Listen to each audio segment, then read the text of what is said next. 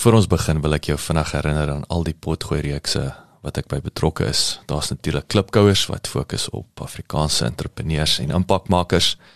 Boerpot wat fokus op die besigheid van landbou. Nostalgooi my nuutste reeks waar ek gesels met uh legendes van die Afrikaanse vermaaklikheidsindustrie. Mense soos David Kramer, Anton Goosen, Sandra Prinsloo ensovoorts. En dan my twee nuwe potgooi reekse. Buscrash wat die Engelse boetie is van klipkouers en dan Pot of Gold wat gefokus is op die besigheid van mynbou. As jy in Pretoria is, kom maak gerus 'n draai hierop by ons plek uh, in die R21 Corporate Park genaamd Bouma 21 waar ons 'n kafee het, ons het co-working space, ons hierdie uh uh um, raadsaal uit en my ateljee is. So as jy is, kom drink gerus 'n koffie en kom sê hallo. Hierdie is 'n potgooi produksie deur nommer 7 Media.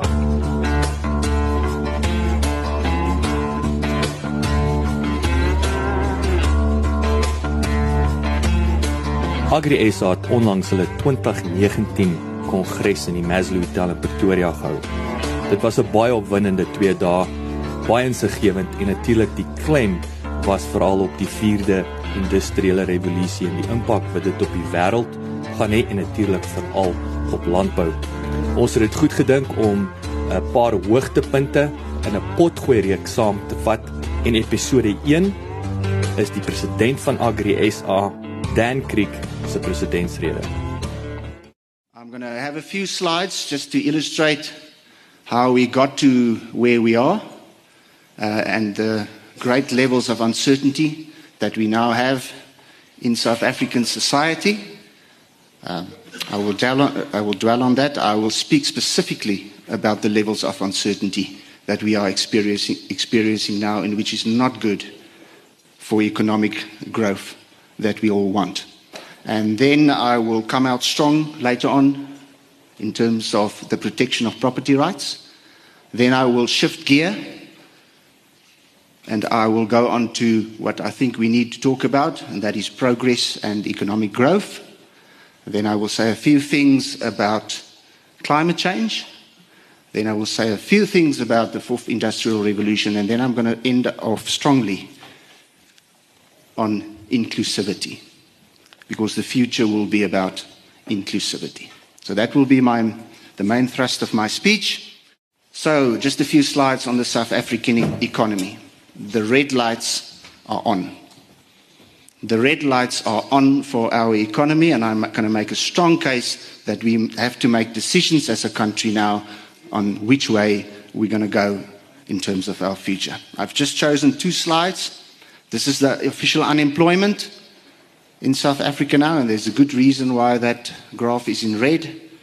Um, we are now nearing 29, 30% unemployment, and what is it? Six million people without a job.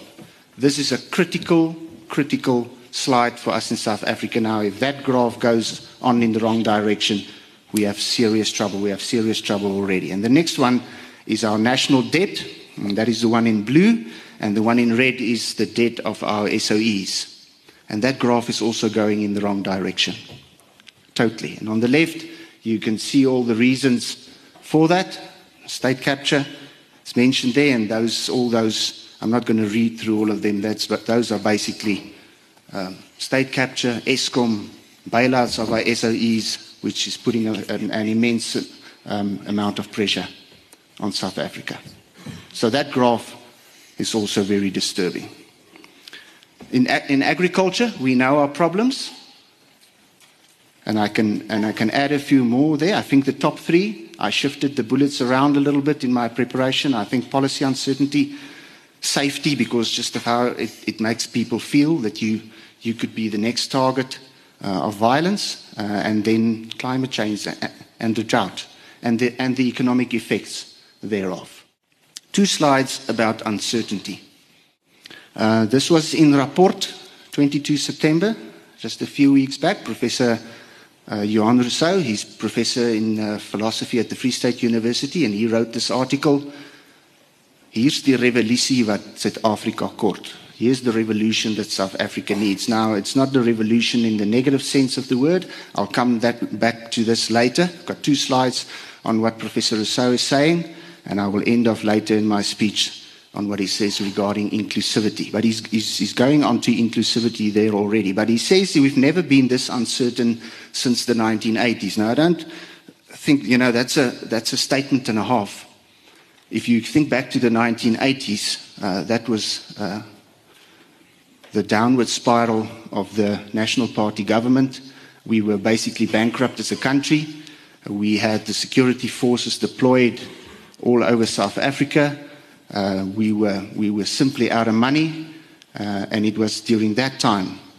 Uh, and he, and he, and he um, compares where we are today with that time. You can uh, philosophize, uh, um, uh, have a philosophical discussion about that, but I think this is where we are. People are extremely uncertain, and within the agricultural sector, even more so.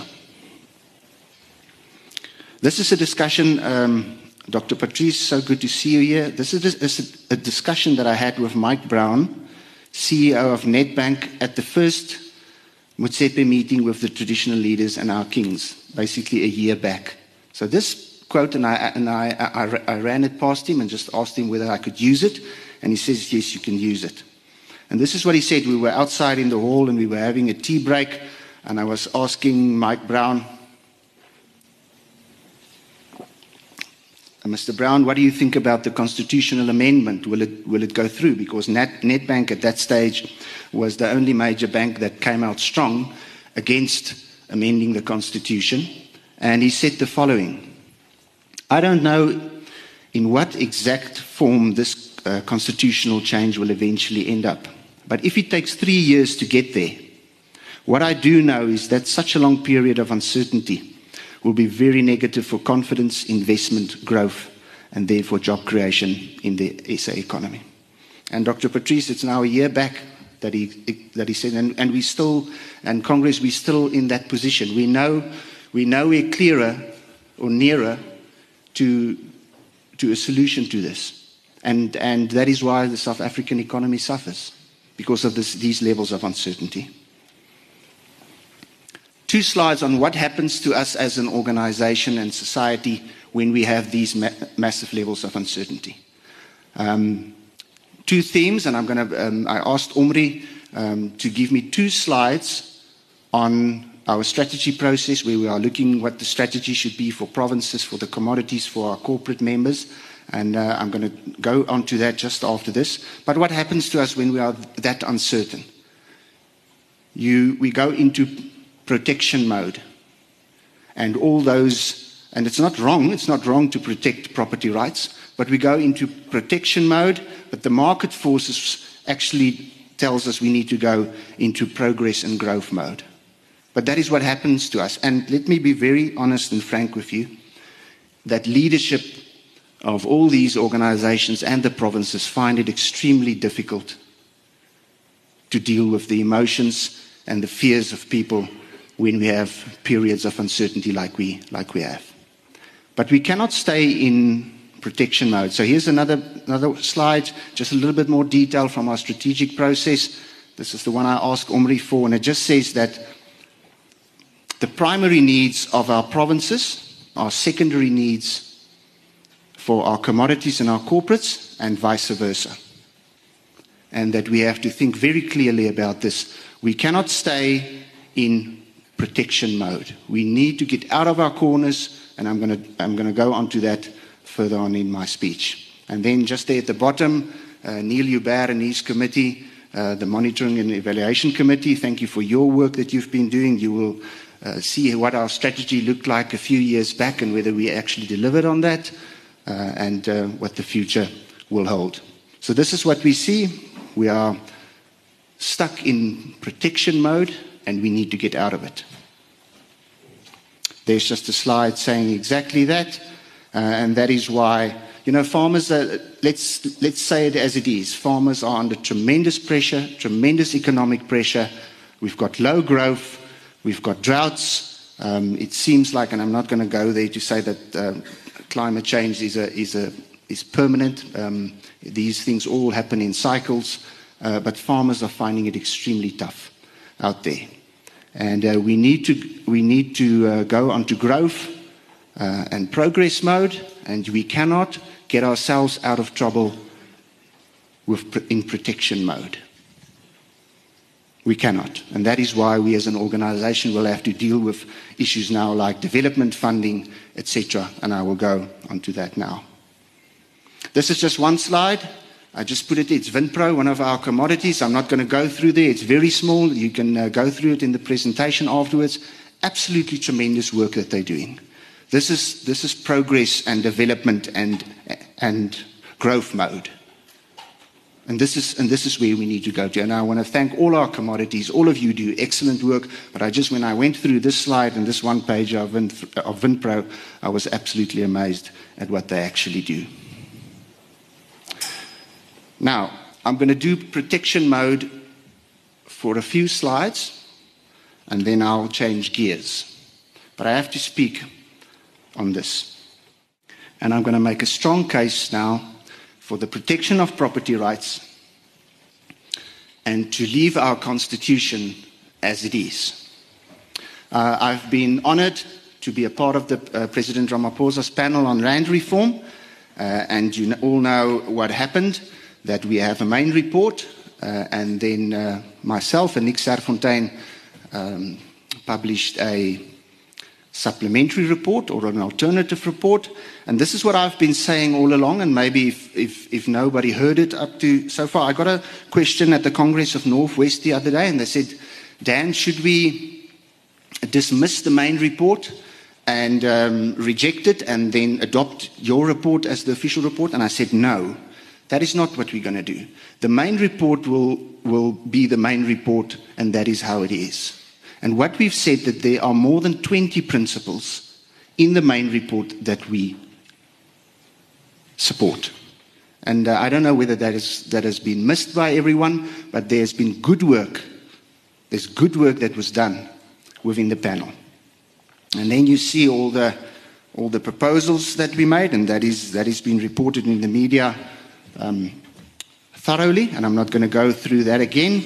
It's just that the bottom two there, we did feel it necessary to give an, uh, more of an economic spin on the supplementary report uh, and a food security spin on it, and then the bottom one, and that is actually the one that I want to talk about. I'm going to argue for the protection of property rights and for our constitution to maintain, to be maintained, to be to stay as it is. Now, it's a great pity that Advocate Tembeka could not uh, finish the process with us, but let us, um, let us remind ourselves of what he says about our Constitution. And I've never, um, ever since the panel reports came out, I've, you know, I've, um, I've supported the main report, and I've just on, like I do on that, uh, on that previous slide. Um, but today I'm going to have my say. And, and, and why I could not go with the main report was the following.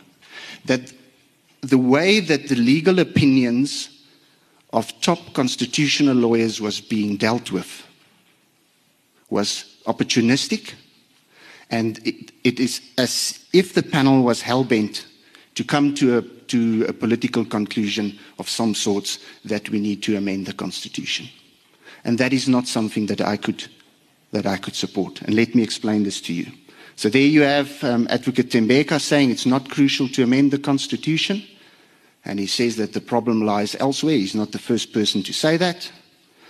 Um, during January, because we uh, lost Advocate Tembeka on the panel, we sourced the legal opinion from Professor Elmien du Plessis, and uh, she also said to the panel, the current constitutional framework is not an impediment to effecting land reform.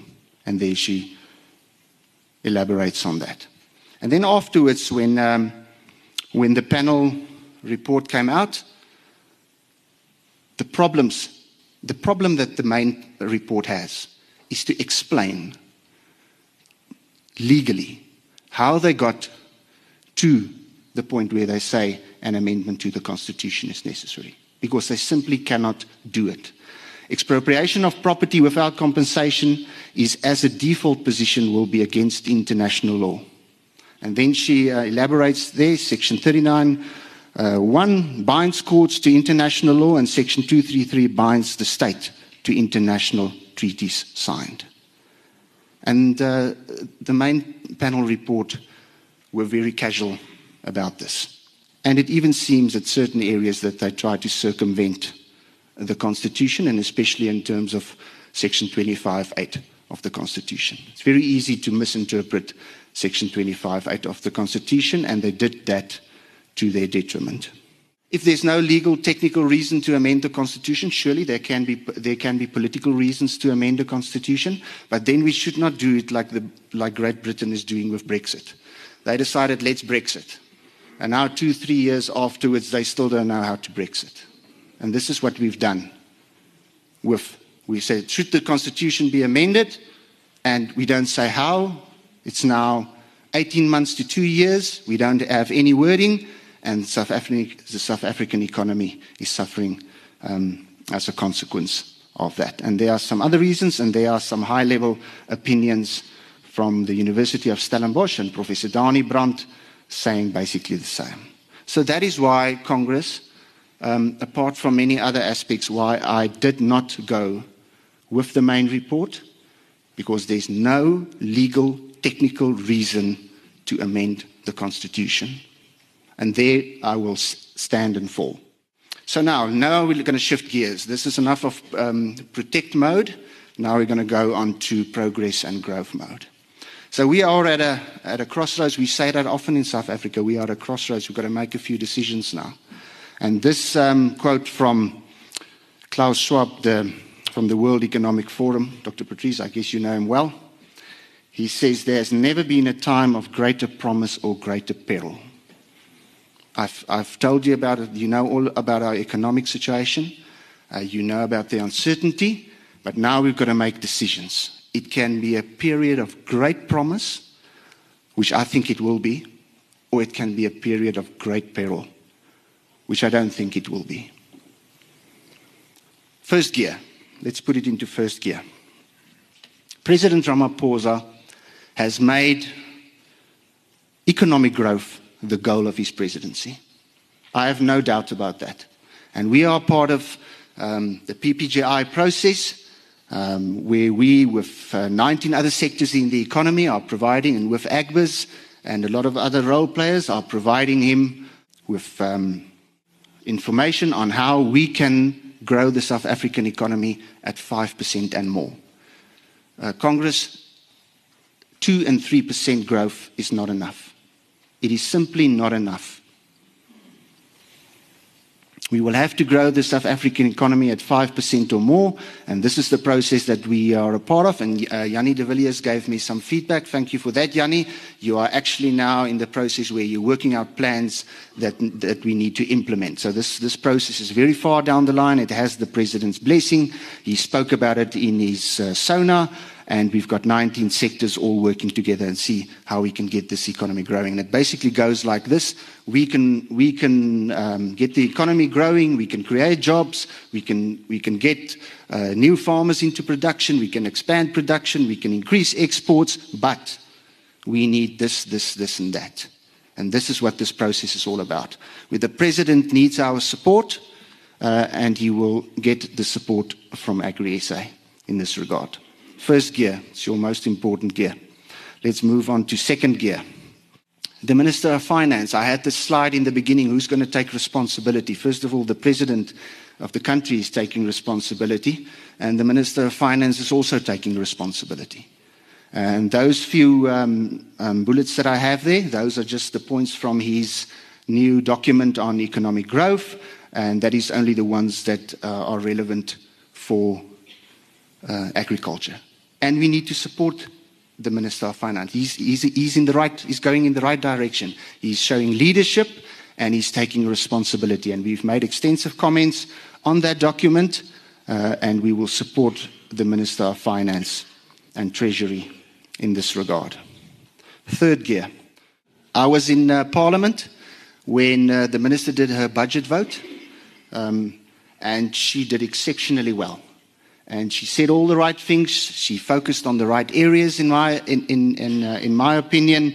She spoke about partnerships, and I'm now leading up to partnerships, agricultural finance. Um, and uh, I thought she did extremely well. But she did even better when, it, uh, when, when we came to question time. And then she said, what this is all about in, for her is she, we need to fix and reimagine. So she was very honest about what is going on in her department, the, the, the job that she has, uh, merging the two departments, etc. And she said we need to fix and then we need to reimagine. And that is leadership for me. And then she did something which I thought went unnoticed in, in the media, but I thought that was extremely important. On a question from, from one of the um, opposition parties, uh, I think it was Annette Steyn from the DA, uh, on, on violence, the minister just said, boom, just like that. Yes, of course, that is the case. Yes, of course, our farmers and our farm workers need to f- be safe on our farms. And I will do my very best and I will work with other departments. And she just simply said it. And I thought that was leadership of, of the highest quality. So we know we have a good minister. We know we have a strong minister. Uh, and we, and, and uh, I was, it, it was a good day for me to sit there and to just, and to just listen to her. A little bit on the fix. This is the, a very harsh judgment from the Constitutional Court regarding the capacity within the department, and this is where the fix part will come in. And I will only read, uh, this is the Mwelase judgment, and I will just read that um, area in green. Let, let's read the whole one, because this is the Constitutional Court speaking. South Africans have been waiting for more than 25 years for equitable land reform. The department's failure to practically manage and expedite land reform measures in accordance with constitutional and statutory promises has profoundly exacerbated the intensity and bitterness of our national debate about land reform. It is not the constitution, nor the courts, nor the laws of the country that are at fault in this. It is the institutional incapacity of the department to do what the statute and the constitution require of it that lies at the heart of this colossal crisis. And then we have an, in, an interesting development in our law, which is, which is not good, where the Constitutional Court appointed a special master. So now what we have is that the judiciary has to police the executive. And it should not be that way. And that's the message that I wanted to say to the minister is that let, let's work together. Let's form partnerships. She spoke about partnerships. Let's have partnerships where we, where we help and, and Agri SA has taken that responsibility a long time ago to help. Um, we don't sp- need special masters to help us to do what we, what we know we need to do. And then there are some other cases uh, that I have there at the bottom with far reaching implications. Fourth gear.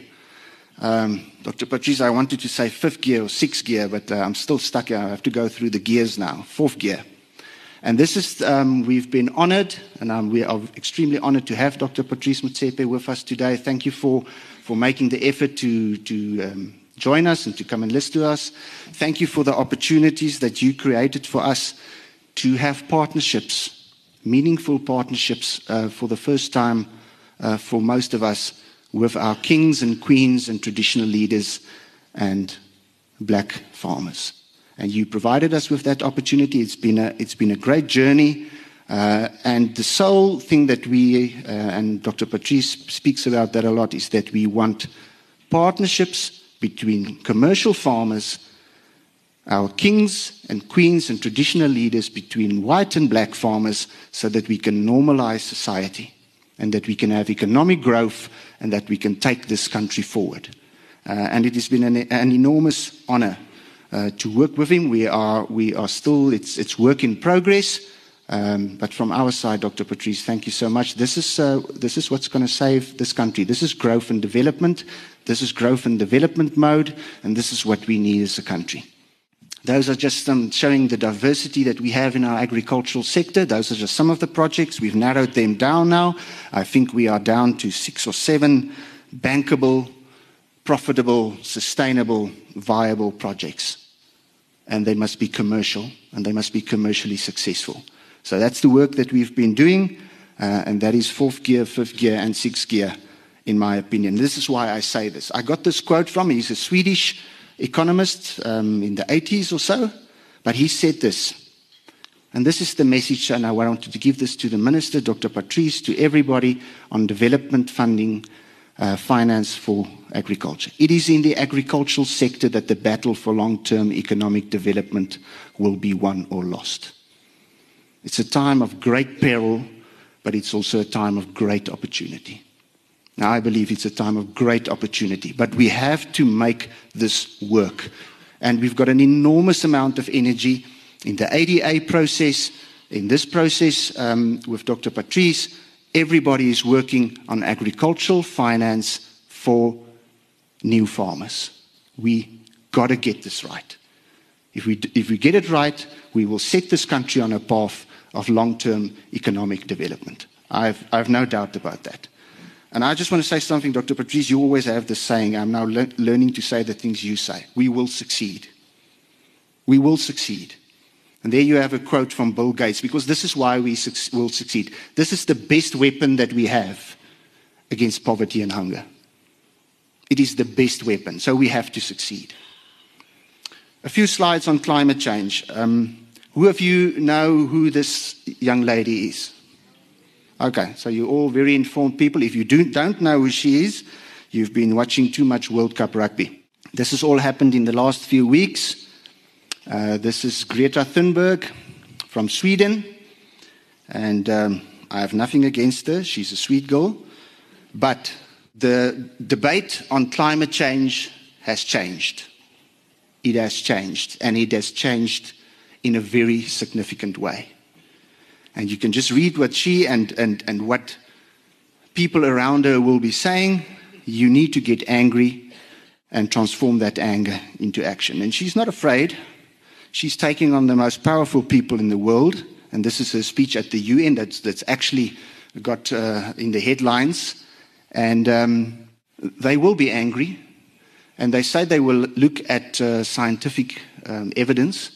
But remember, there are also scientific, so called scientific evidence that say, let me give an example, that um, cattle and sheep and ruminants have a far greater effect on, on global warming, etc., etc. So people like her who are angry and having climate change um, protests all over the world, I'm afraid of people who have simple answers for complex problems. And there at the bottom she says, We are in the beginning of a mass extinction, and all you can talk about is money and fairy tales of eternal economic growth. How dare you? Now, I, I, there's no telling how this is going to play out. I simply don't know how this is going to play out, but I know this is going to be big and it might have an effect on governments, it might have an effect on, our, on their budgets, it might have an effect on agriculture, it might have an effect on consumer, on consumers, on, on how they deem agriculture. This is going to have an effect. So, what do we do in agriculture? Chris Burgess, I think um, from Landbou Weekblad, you've been a leader in this. Um, herlevingslandbou, bewaringslandbou. This is what we know we need to do conservation agriculture. Uh, and we have the responsibility. Again, we come to the word responsibility uh, to, to um, farm in a sustainable manner and an ecologically sustainable manner. Few slides on the fourth industrial revolution. Uh, I'm not the expert on that. All I know that what I read about technology and biotechnology and nanotechnology and all kinds of technology, it's that it's going to change our lives in every aspect, and even in aspects that we cannot think of right now. So this is going to be um, big, and this is what I think. It's a good topic for this Congress to get out of protection mode and get into growth and progress mode. And let's think about while we're dealing with all these issues, what will the world look like in a few years from now? How, would, how will agriculture look? And we will have to adapt, and we will have to adapt quickly. I've got my last four slides, and then I'm done. And this is basically the most important thing that I want to say today, apart from the other things. And it's a few notes on inclusivity. Now, the other day, Dominie Willem asked me to, uh, at Agri Gauteng's Congress, and he said to me, I must speak about a few things that work for me, good habits in organized agriculture, things that work for me. And the first thing that I said is something that does not work for me is when uh, we try to label organized agriculture as something that is determined by your language, your skin color, or anything else. That does not work for me. I want to be in an organization that is inclusive of everybody. And that is why I enjoy the process uh, that we have with uh, Dr. Patrice Motsepe. And uh, this is all about opening up conversations. The difficult conversations, all kinds of conversations. And that is what leaders have got to do. You cannot be in protect mode all the time. You've got to have these discussions. You've got to have these conversations. Those who make peaceful revolution impossible will make violent revolution inevitable. Now, revolution is a, we don't like the, I don't like the word revolution, but I think you all understand what this says. And we've got so many opportunities and we have got the responsibility. Land reform is one. The future of farmers, the future of new farmers, the future of partnerships. How are we going to deal with this, with this land question going forward? How are we going to deal with agricultural finance? We've got to have those discussions. If you don't have those, then you have trouble. That's my first one on inclusivity. My second one, I'm coming back to Professor Johan Rossouw. You can read it there. It was in 2016, Francois, when we had Moeletsi, Mr. Moeletsi Mbeki and Johan Rossouw speaking at, at our Congress in the Free State. And this is once again, what is the revolution that we need in terms of inclusivity? We need a revolution of inclusivity. That is what we need. We need people to come together. We need to reach, reach the hearts and minds of ordinary South Africans and people that have been left behind and people that have been excluded from, from the economy, we have to reach their hearts and minds and ensure them that we will have a future. And this is what this is all about. And there's ample opportunity. We're having another meeting with uh, Mr. Moeletsi Mbeki and Professor Rossouw that's been set up for, for next week. And there at the bottom, he just says, Why has this country not gotten, gone up in flames already? It is because ordinary people are actually getting on better with each other than, than, than, than what we're thinking. But we need to work very, very hard at this, and there's lots of opportunities. If you want to stay in South Africa, and I'm going to stay in South Africa, this is it. This is the real I'm staying. South Africa has the world's highest Gini coefficient income inequality. This is it. Now, when we were young kids, um, do you remember when you asked your, your father when you were a young boy or said, Dad, what's your, what's your salary? How much do you earn? How much money do you have in the bank? Do you remember that? Who of you did that? Your father would never give you an honest answer. I'm very wary because sometimes my bank balance go into overdrafts. You can't tell the boys to go and tell you I've got minus that, and then they go to school. Will create a great hoo-ha there. And then my father never gave us an answer, but what my father did say to us, he said to us, Children, listen to me carefully now. You are the, some of the most privileged people in this country. Now, as a young boy, I always thought, geez, I've, my dad has a big salary. But he didn't. But what he was trying to teach me is to say, you are, you are, he always said, you are in the top 5% of people in this country. And I could, ne- I could never work it out. But that is, that is the truth. All of you sitting here are in the top 5%, or even I can maybe, maybe even more, of the South African society. We are privileged. Now, you can have all sorts of discussions on why you are privileged, and it is hard work that got you there, and etc. But my father instilled a, a thought in me there are other reasons why I am privileged as well.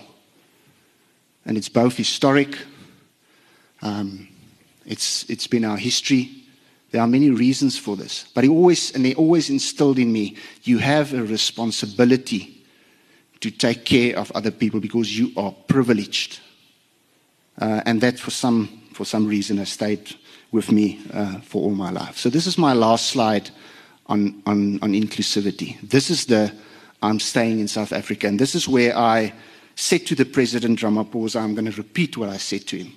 And some people were, were angry um, at me for, for saying this, or, or they were worried that I said this. And I said, Mr. President, we understand that the colonial era and the 1913 Land Act and apartheid policies had had a, uh, had a devastating effect on black people's lives. And secondly, we take co responsibility with you to try and fix it. And that is all that I'm asking from you and from AgriSA, from, from everybody. I started off with our economic situation and who's going to take responsibility. This is now, you can, you can argue this any way you want to. You can argue this what, what, what's your responsibility, what's not your responsibility. How much responsibility do we have to take, how much don't we? Of course, we can't take all the responsibility, but we will have to take responsibility. And that is why I'm staying, this is why I'm, um, I'm in organized agriculture, and if I'm privileged to be in organized agriculture, this is what I will spend my energy on on inclusivity, on responsibility, and to show leadership and to say, listen, we're going to give everything that we have. We're going to give it the best that we have in terms of our knowledge, our expertise, our energy, our plans. Uh, we will work with everybody. We will work with government. Um, we will play our part.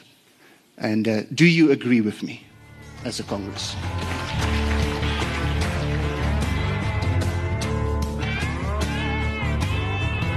As jy gehou het van die pot gooi, deel dit asseblief met vriende en familie.